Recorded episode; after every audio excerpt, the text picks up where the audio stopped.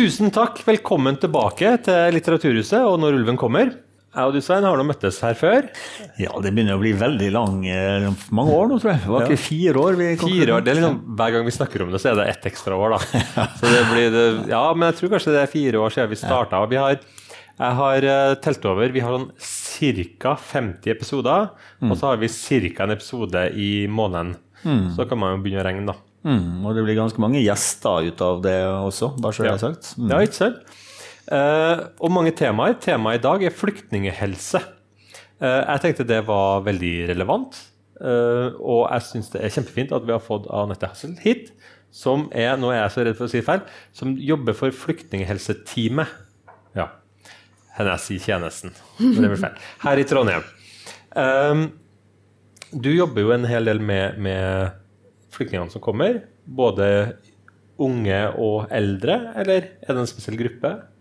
Nei, vi på Flyktninghelseteamet vi mottar og tar imot eh, alle asylsøkere, eh, bosatte flyktninger og familiegjenforente med flyktningbakgrunn. Pluss at vi har tjenester for alle med endelig avslag med flyktningbakgrunn. Mellom 0 til 120 år. Oi. Ja, det høres stort ut. Er dere mange?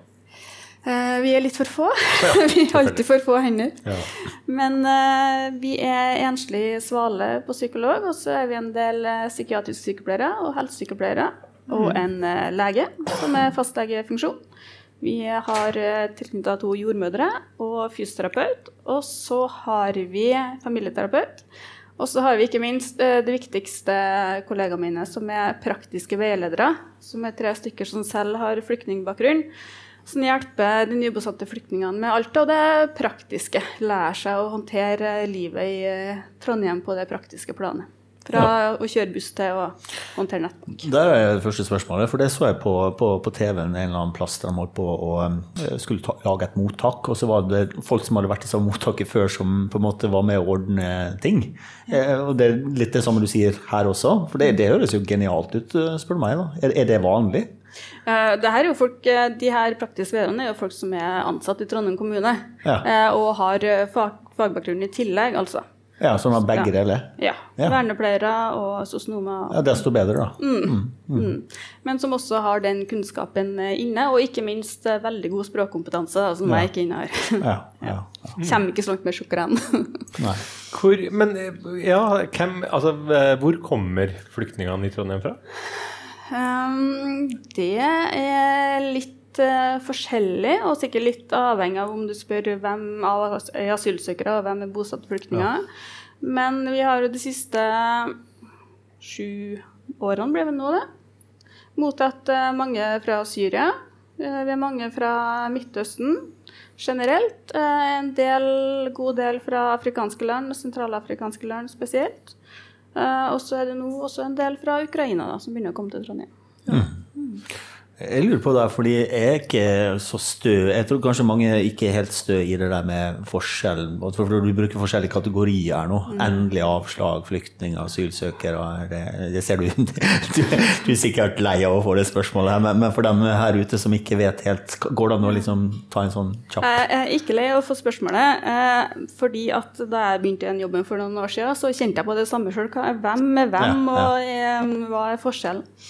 Men når man kommer hit eh, til landet som flyktning, så, så melder man seg som asylsøker, altså søker asyl eh, i landet. Uh, og den prosessen med å søke asyl kan ta kort tid eller lang tid. Så nå mottar vi en del flyktninger fra Ukraina som får kollektiv beskyttelse. Det samme gjaldt vel eh, flyktninger fra Syria, som da raskt fikk innvilga og fikk oppholdstillatelse, flyktningstatus her i landet. Så det er en måte å få flyktningstatus. Eh, og så mottar vi en god del overføringsflyktninger, på, på dagligspråk kanskje kalt FN-flyktninger eller kvoteflyktninger. eh, som eh, kommer direkte gjerne fra flyktningleir, som er FN-flyktningleir. for noe forhånds... Forhåndsutvalgt Ja, til Norge. Ja, ja. Eh, og når det gjelder eh, avslag, så er det en del asylsøkere som vi har her i eh, Trondheim, som har fått avslag på sin søknad om asyl, Mm. og kanskje har klaga på det vedtaket til UNE, og har en sak gående. UNE er da klagenemnda til UDI.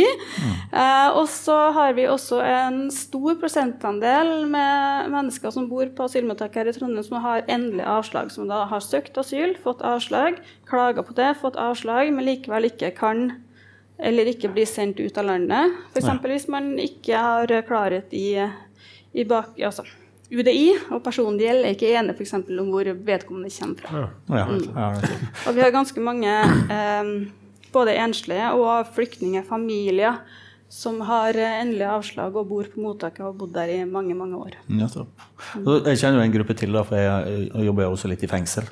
Mm. Folk som da sitter i fengsel, men som ikke kan sone i sitt land fordi de har dødsstraff i landet eller lignende ting. Så de også blir bare værende. Mm i fengsel. Da. Mm. Mm. Men, for at, I forhold til flyktninghelse så er jo det der veldig interessant. Uh, I forhold til enslige mindreårige, som jeg har jobba litt med, så har de jo noen som har midlertidig opphold, f.eks. Mm. Så de står jo og tripper, for de vet at når de er 18, så kan det hende at oppholdstillatelsen deres ikke gjelder lenger. Mm. Og så har vi den gruppa som du nevnte nå, som har søkt, har fått avslag, de sitter her og venter hva gjør vi nå? Og så er de i en desperat situasjon som da må påvirke psykiske helsa deres på et eller annet vis. Hvordan, hvordan, altså, hvordan, ser det ut fra der du sitter? Hvilke uttrykk har de? Mm. Eh, mange eh, sitter selvfølgelig med en eh, voldsom håpløshet. Eh, vansker med å se for seg hvordan eh, livet skal bli når man ikke har peiling på hvordan det skal være, enten om 14 dager eller om, om tre år. Uh, og mange som sitter med en veldig sterk, betimelig frykt i kroppen hver dag fordi at man er så redd for å bli sendt ut av landet. Så mange forteller om at de er, er redd hele tida, så er veldig dårlig på natta. redd for politiet nødvendigvis, men som også sprer seg. Altså man blir redd for alle mulige folk, særlig menn, da, i uniform. Sånn at man også kan være redd for bygningsarbeideren som går i, i, mm. i gul drakt. Um, så vi kan jo kalle det psykiske plager, men jeg vil kanskje heller kalle det livskriser. Mm. Å leve i en konstant uh, stressituasjon. Mm. Ja, ikke sant?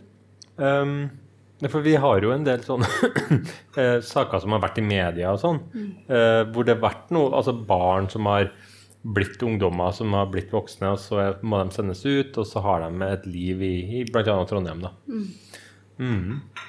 Det her med uh, En sånn erfaring jeg hadde, var, var, det her med hvor utrolig unik en flyktning egentlig er.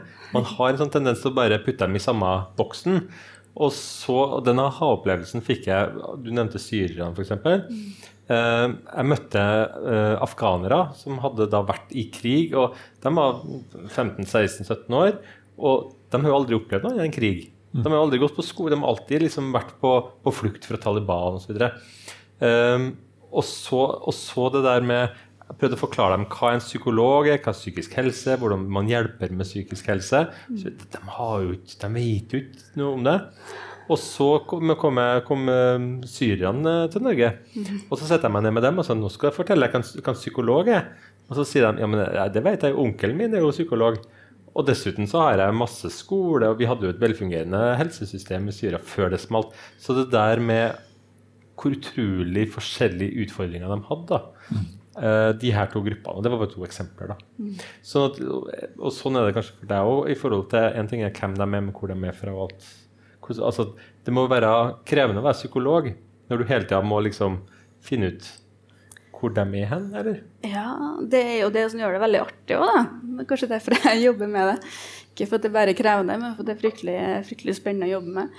Uh, men det er viktig da at du må bruke, eller jeg må bruke alltid en ekstra runde på begrepsavklaring. Ja. Hva er en psykolog, eller hva er en fastlege? Eh, hvor, eh, hvor går du hvis du har hosta veldig lenge? Mm -hmm. Går du rett til sykehuset, eller går du til fastlegen din? Og som jeg forklarer at ja, men egenandel og frikort, og hva betyr frikort? Og så har jeg vondt i tennene, så da må jeg gå til, til fastlegen og si nei, da må du gå til tannlegen din. Det er kjempedyrt. Ja. men hvorfor det? Ja. Um, og det er jo det mange, mange opplever, at det, eh, når man kommer hit, at livet er så, så så forvirrende. Mm. Sånn det er et nytt eh, type stress, for at det er ingenting som er forståelig og meningsfylt lenger. Som sagt, fra, fra å forstå eh, fra å forstå bussen og plutselig måtte lære seg nettbank, til å eh, finne eh, sunn og næringsrik og den maten man er vant til i butikken. Um, og forstå et helsesystem som vi ikke har gjort så veldig enkelt for oss sjøl. For Når du snakker om flyktninghelse, så snakker ikke du nødvendigvis om flyktningpsykiatri. da. For Når du snakker om flyktningtannlege og flyktning-livskrise-ting, si, livskriseting. For for jeg liksom, I mitt hode så ser jeg for meg at det var mye sånn PTSD og fæle ting som har skjedd underveis i flyktningmottak. og mm, er det er ikke det sånn, eller er det litt av hvert? Eh, jo, det er litt av hvert. Og det er selvfølgelig mange som har opplevd forferdelige ting. Eh, som har opplevd eh, vært nær på krigshendelser, vært i krigshendelser. Eh, møter mange som har vært eh, fengsla og torturert. Ja. Eh, mange selvfølgelig også som ikke minst har savn etter mye familie, om Ja. de er døde eller sitter igjen i hjemlandet. Um, så det er mye psykiske plager. Det, man skal ikke underkjenne det. Um, og så er det veldig mye fysiske plager. Smerteuttrykk, vondter her og der i kroppen, som også mange forteller om at det er vanskelig å, å beskrive godt til fastlegen. Jeg har ikke tall på hvor mange som har kommet tilbake til meg og sier at fastlegen sa bare at jeg må drikke mer vann. For man skal tro det er det eneste fastlege her i Trondheim sier, at man må drikke mer vann. Ja, ja, ja.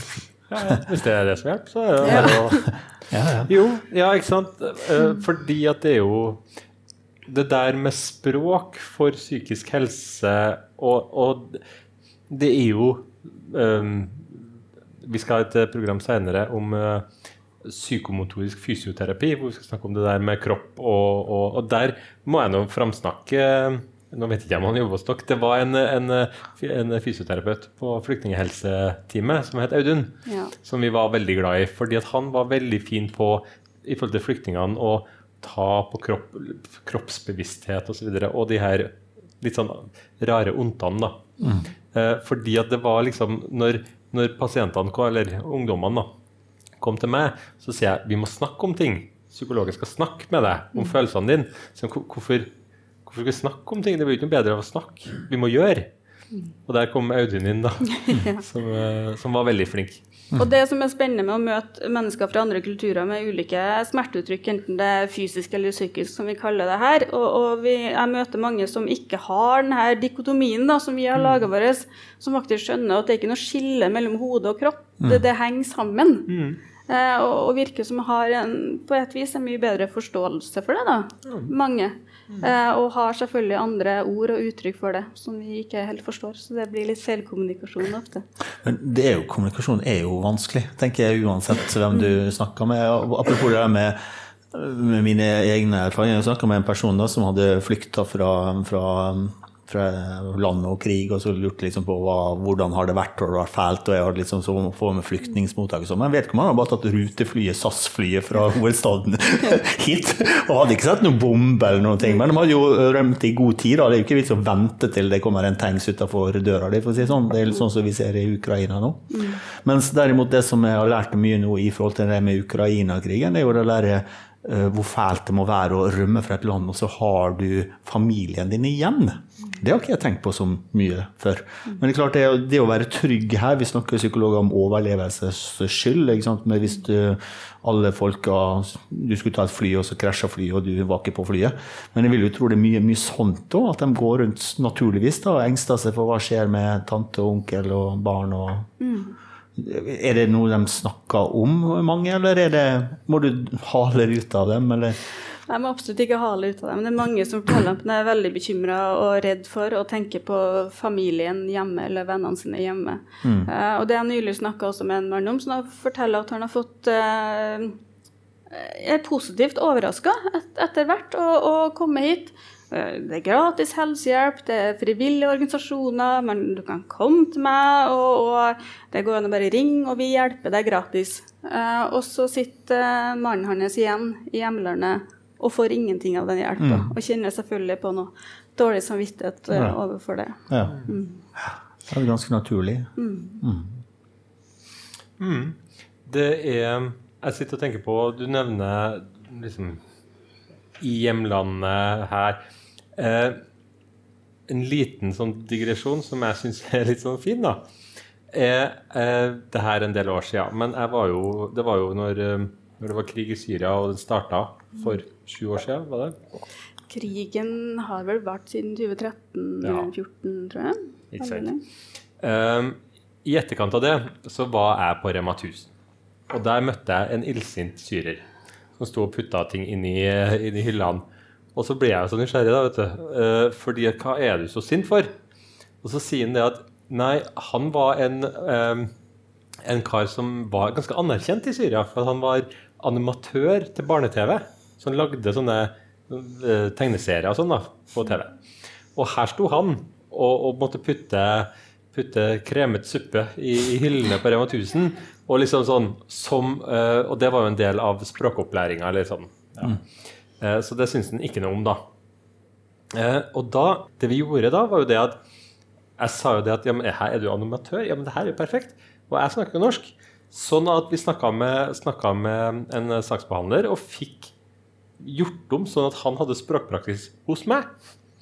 Eh, og i språkpraksisen så lagde vi animasjoner sammen som handla om eh, hva en psykolog er. På masse forskjellige språk. For ja. Mitt problem var jo det at jeg fikk jo, hadde jo satt jo med masse afghanske ungdommer, mange fra Eritrea osv., som jeg sleit litt med å forklare hva en psykolog Men når vi lagde sånn to-tre minutters tegneserier med på det her språket, da, Ja. så, så fikk jeg masse ut av det. Og han var jo kjempefornøyd, for han fikk jo jobba med det han liker å jobbe med. Samtidig som vi snakka en hel del norsk og, og sånn. da. Så det var, det, det Men det er var sånn typisk, du, du er jo genial på sånne områder, bare så det er sagt. da, faktisk eh, genial. Men, men, ja, jeg kan få det skriftlig etterpå. Men, men jeg tror folk flest gjør jo ikke det. De går jo ikke bort og spør sånn hvorfor er du Hvis jeg hadde sett en sint syrer i byen, så ville jeg tatt en stor sving unna det, skal jeg love deg. Det- Sorry, jeg er ikke på jobb, ville jeg tenkt. Uh, mens du går jo faktisk til det. Det er kanskje det, det er kanskje som er jobben deres, også, og kanskje å hjelpe folk, også vi andre, da, til å forstå bedre. Altså ikke bare hjelpe dem til å komme inn, men også vi som til å møte dem. Eller er snakker jeg bare sånn ønskedrøm nå, eller hvordan gjør dere det i så fall? Ehm, det gjør vi sikkert altfor lite av, vi også. Ja. Men det jeg tenker vi, vi prøver å gjøre, og som, som Hans Andreas også beskriver på et vis her, er jo å få tilbake sin identitet og sine roller og få det tydelig fram igjen. Fordi vi snakker om de her syrerne, eller flyktningene, eller ukrainske flyktningene, som det er en sånn der en masse.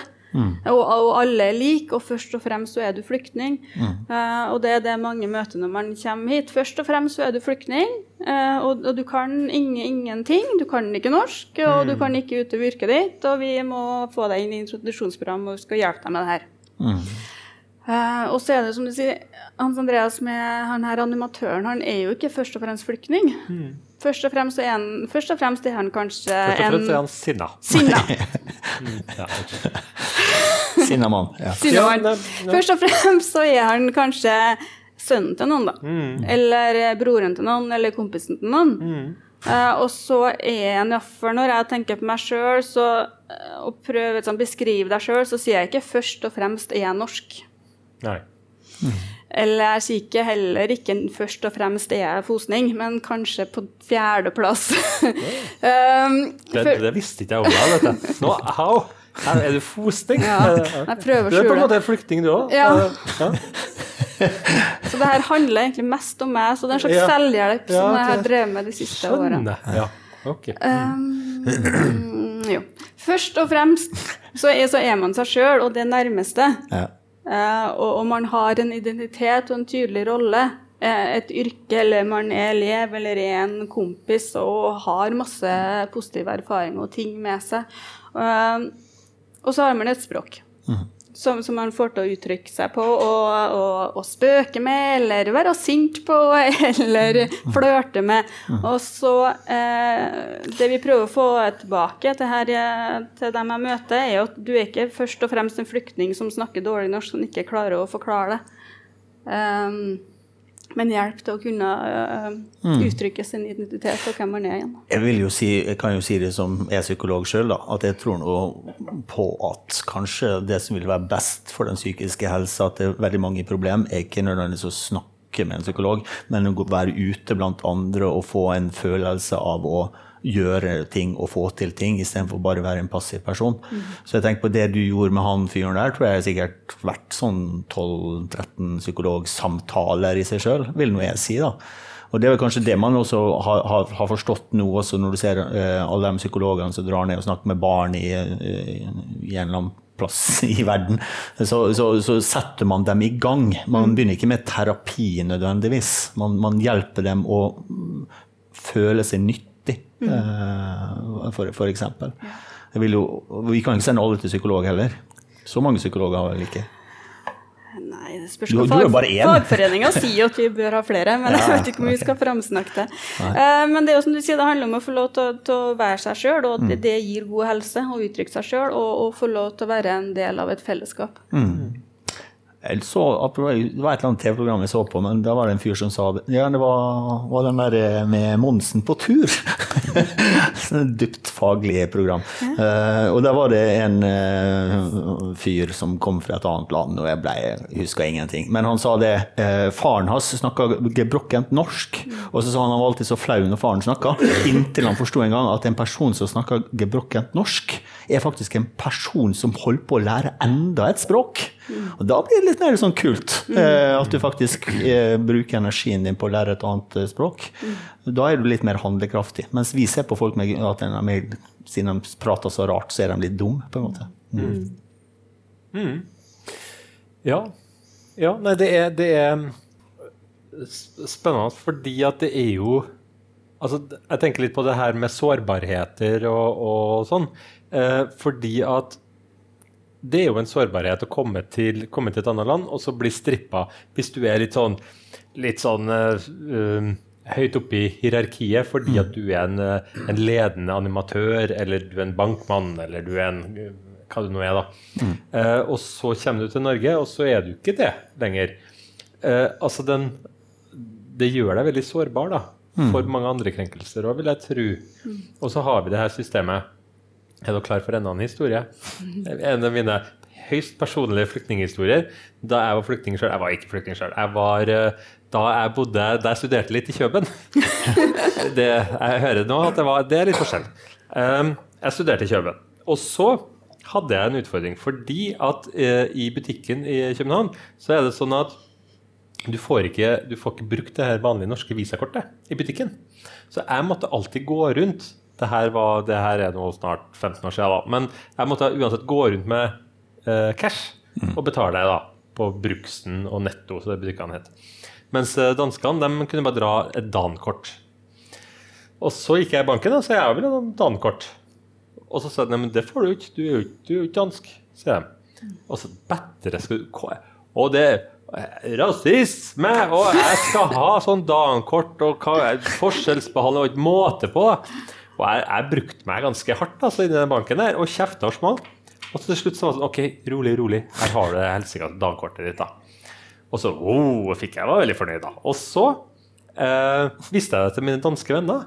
Så sier de Her har du fått dankort? Altså, Sjøl vi dansker har jo kjempevansker med å få det her dankortet. Eh, så det, det er jo helt uhørt at du har fått et sånt dankort. Eh, og så gikk det litt sånn opp for meg da, at den derre følelsen av å bli Altså, jeg fikk en sånn følelse av å være utenfor, bli forskjellsbehandla, være annerledes. Og det takla jeg ganske dårlig, eh, må jeg innrømme i ettertid. da. Eh, og eksempelet ble det her dumme dankortet. da.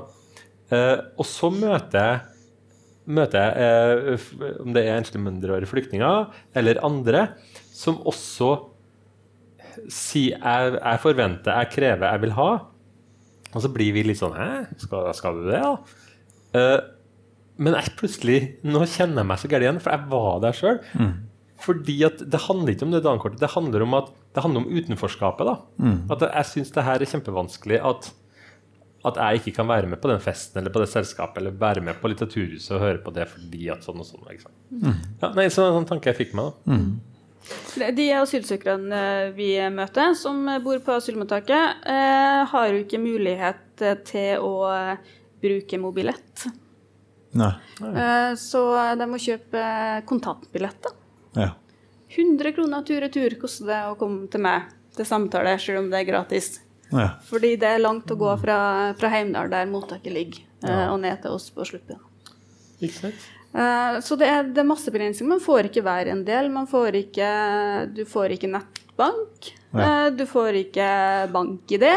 Ja. Eh, Og om du får det, så kan du ikke språket heller, så det, det hjelper ikke. Men det er ikke sånn også den som får avslag, de er jo her. Og så har man ikke, de har jo ikke krav på helsetjenester, bortsett fra det som defineres som nødvendig, eller, eller, Da får du kun eh, akutt, akutte helsetjenester. Så du får eh, dra til legevakta, eller hvis du får blindtarmbetennelse, så, så blir du tatt imot på sykehuset. ja. Så hvis du har f.eks.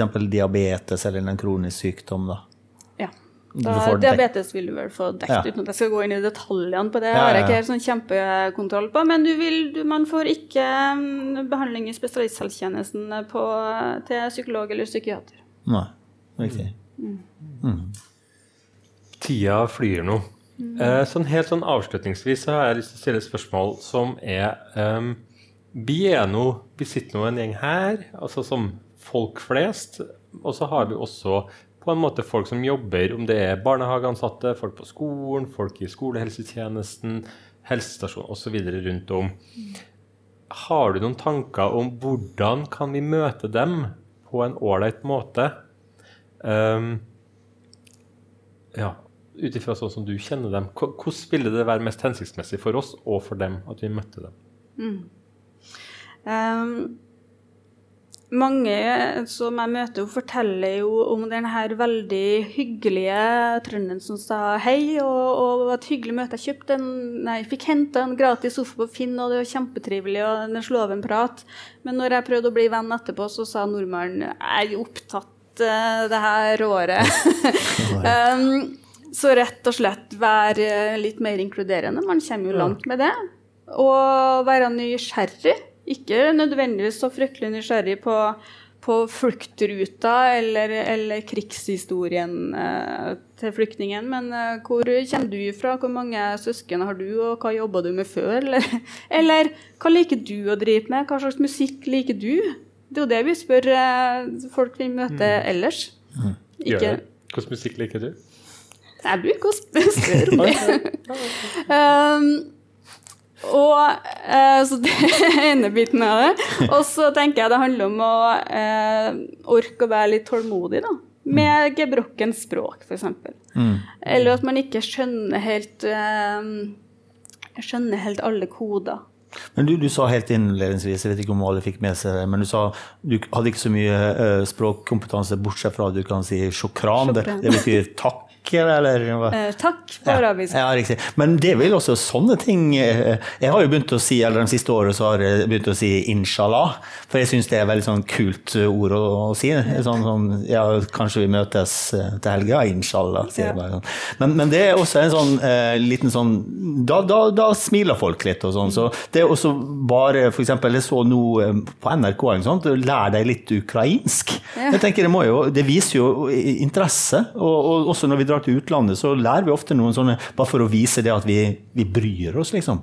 Er det noe som Du kan jo ikke lære det alt både somalisk, og mange har sikkert mange språk, men sånn mm. Hvordan folk reagerer på det? Er det Himler man bare med øynene, eller syns de det Når, når du sier sjokran, eksempel, hva Ser de bare stygt på Eh, deg? eller? tolken stussa da. Tolken sånn Nei, ikke snakk arabisk, for da sliter jeg med tolkinga. Men eh, nei, folk smiler og syns det er hyggelig. Og noen Ja. ganger, så, eh, hvis vi har hatt en grei samtale, man har litt overskudd, så kan jeg spørre hva er det på ditt språk? Ja. Kan du lære meg et ord i dag? Ja. Det syns så mange også er artig. Ja. Eh, og så er det snart id, Ja. Så da kan man jo si id mubarak når man treffer folk. ja. Sette sette seg inn i det religiøse og kulturelle i forhold til Være nysgjerrig er vel egentlig poenget. Nysgjerrig, mm. uh, tida flyr, og den er brukt og, og vel så det. Um, nei, jeg syns det har vært kjempespennende. og Jeg synes det har vært eh, veldig ålreit i forhold til flyktninghelse. Um, jeg har lyst til å si at um, Det går an å gå inn på Facebook og like sida vår. Eh, den heter 'Når ulven kommer'. Eh, vi er, blir, og du kan se oss på et eller annet tidspunkt på lineær-TV på Trønder-TV. Eh, men du kan også se oss på nett. Trønder-TV nett. Du kan se oss på eh, streamen på Litteraturhuset. Det kommer en podkastepisode ut etter hvert. Um, det var det. Instagram. Instagram. Det er en Instagram. Ta, tusen takk, Anette. Det er en Instagram som jeg legger ut bilder som jeg liker, som jeg finner på nettet. Ja. Så det går an å like Instagrammen vår. Eh, litt mindre aktivitet der. Eh, tusen takk. Anette Hattel, psykologspesialist er det, i, i, eh, på Flyktninghelseteamet. Vi møtes her igjen om en måned. Takk for oss. Ha bra.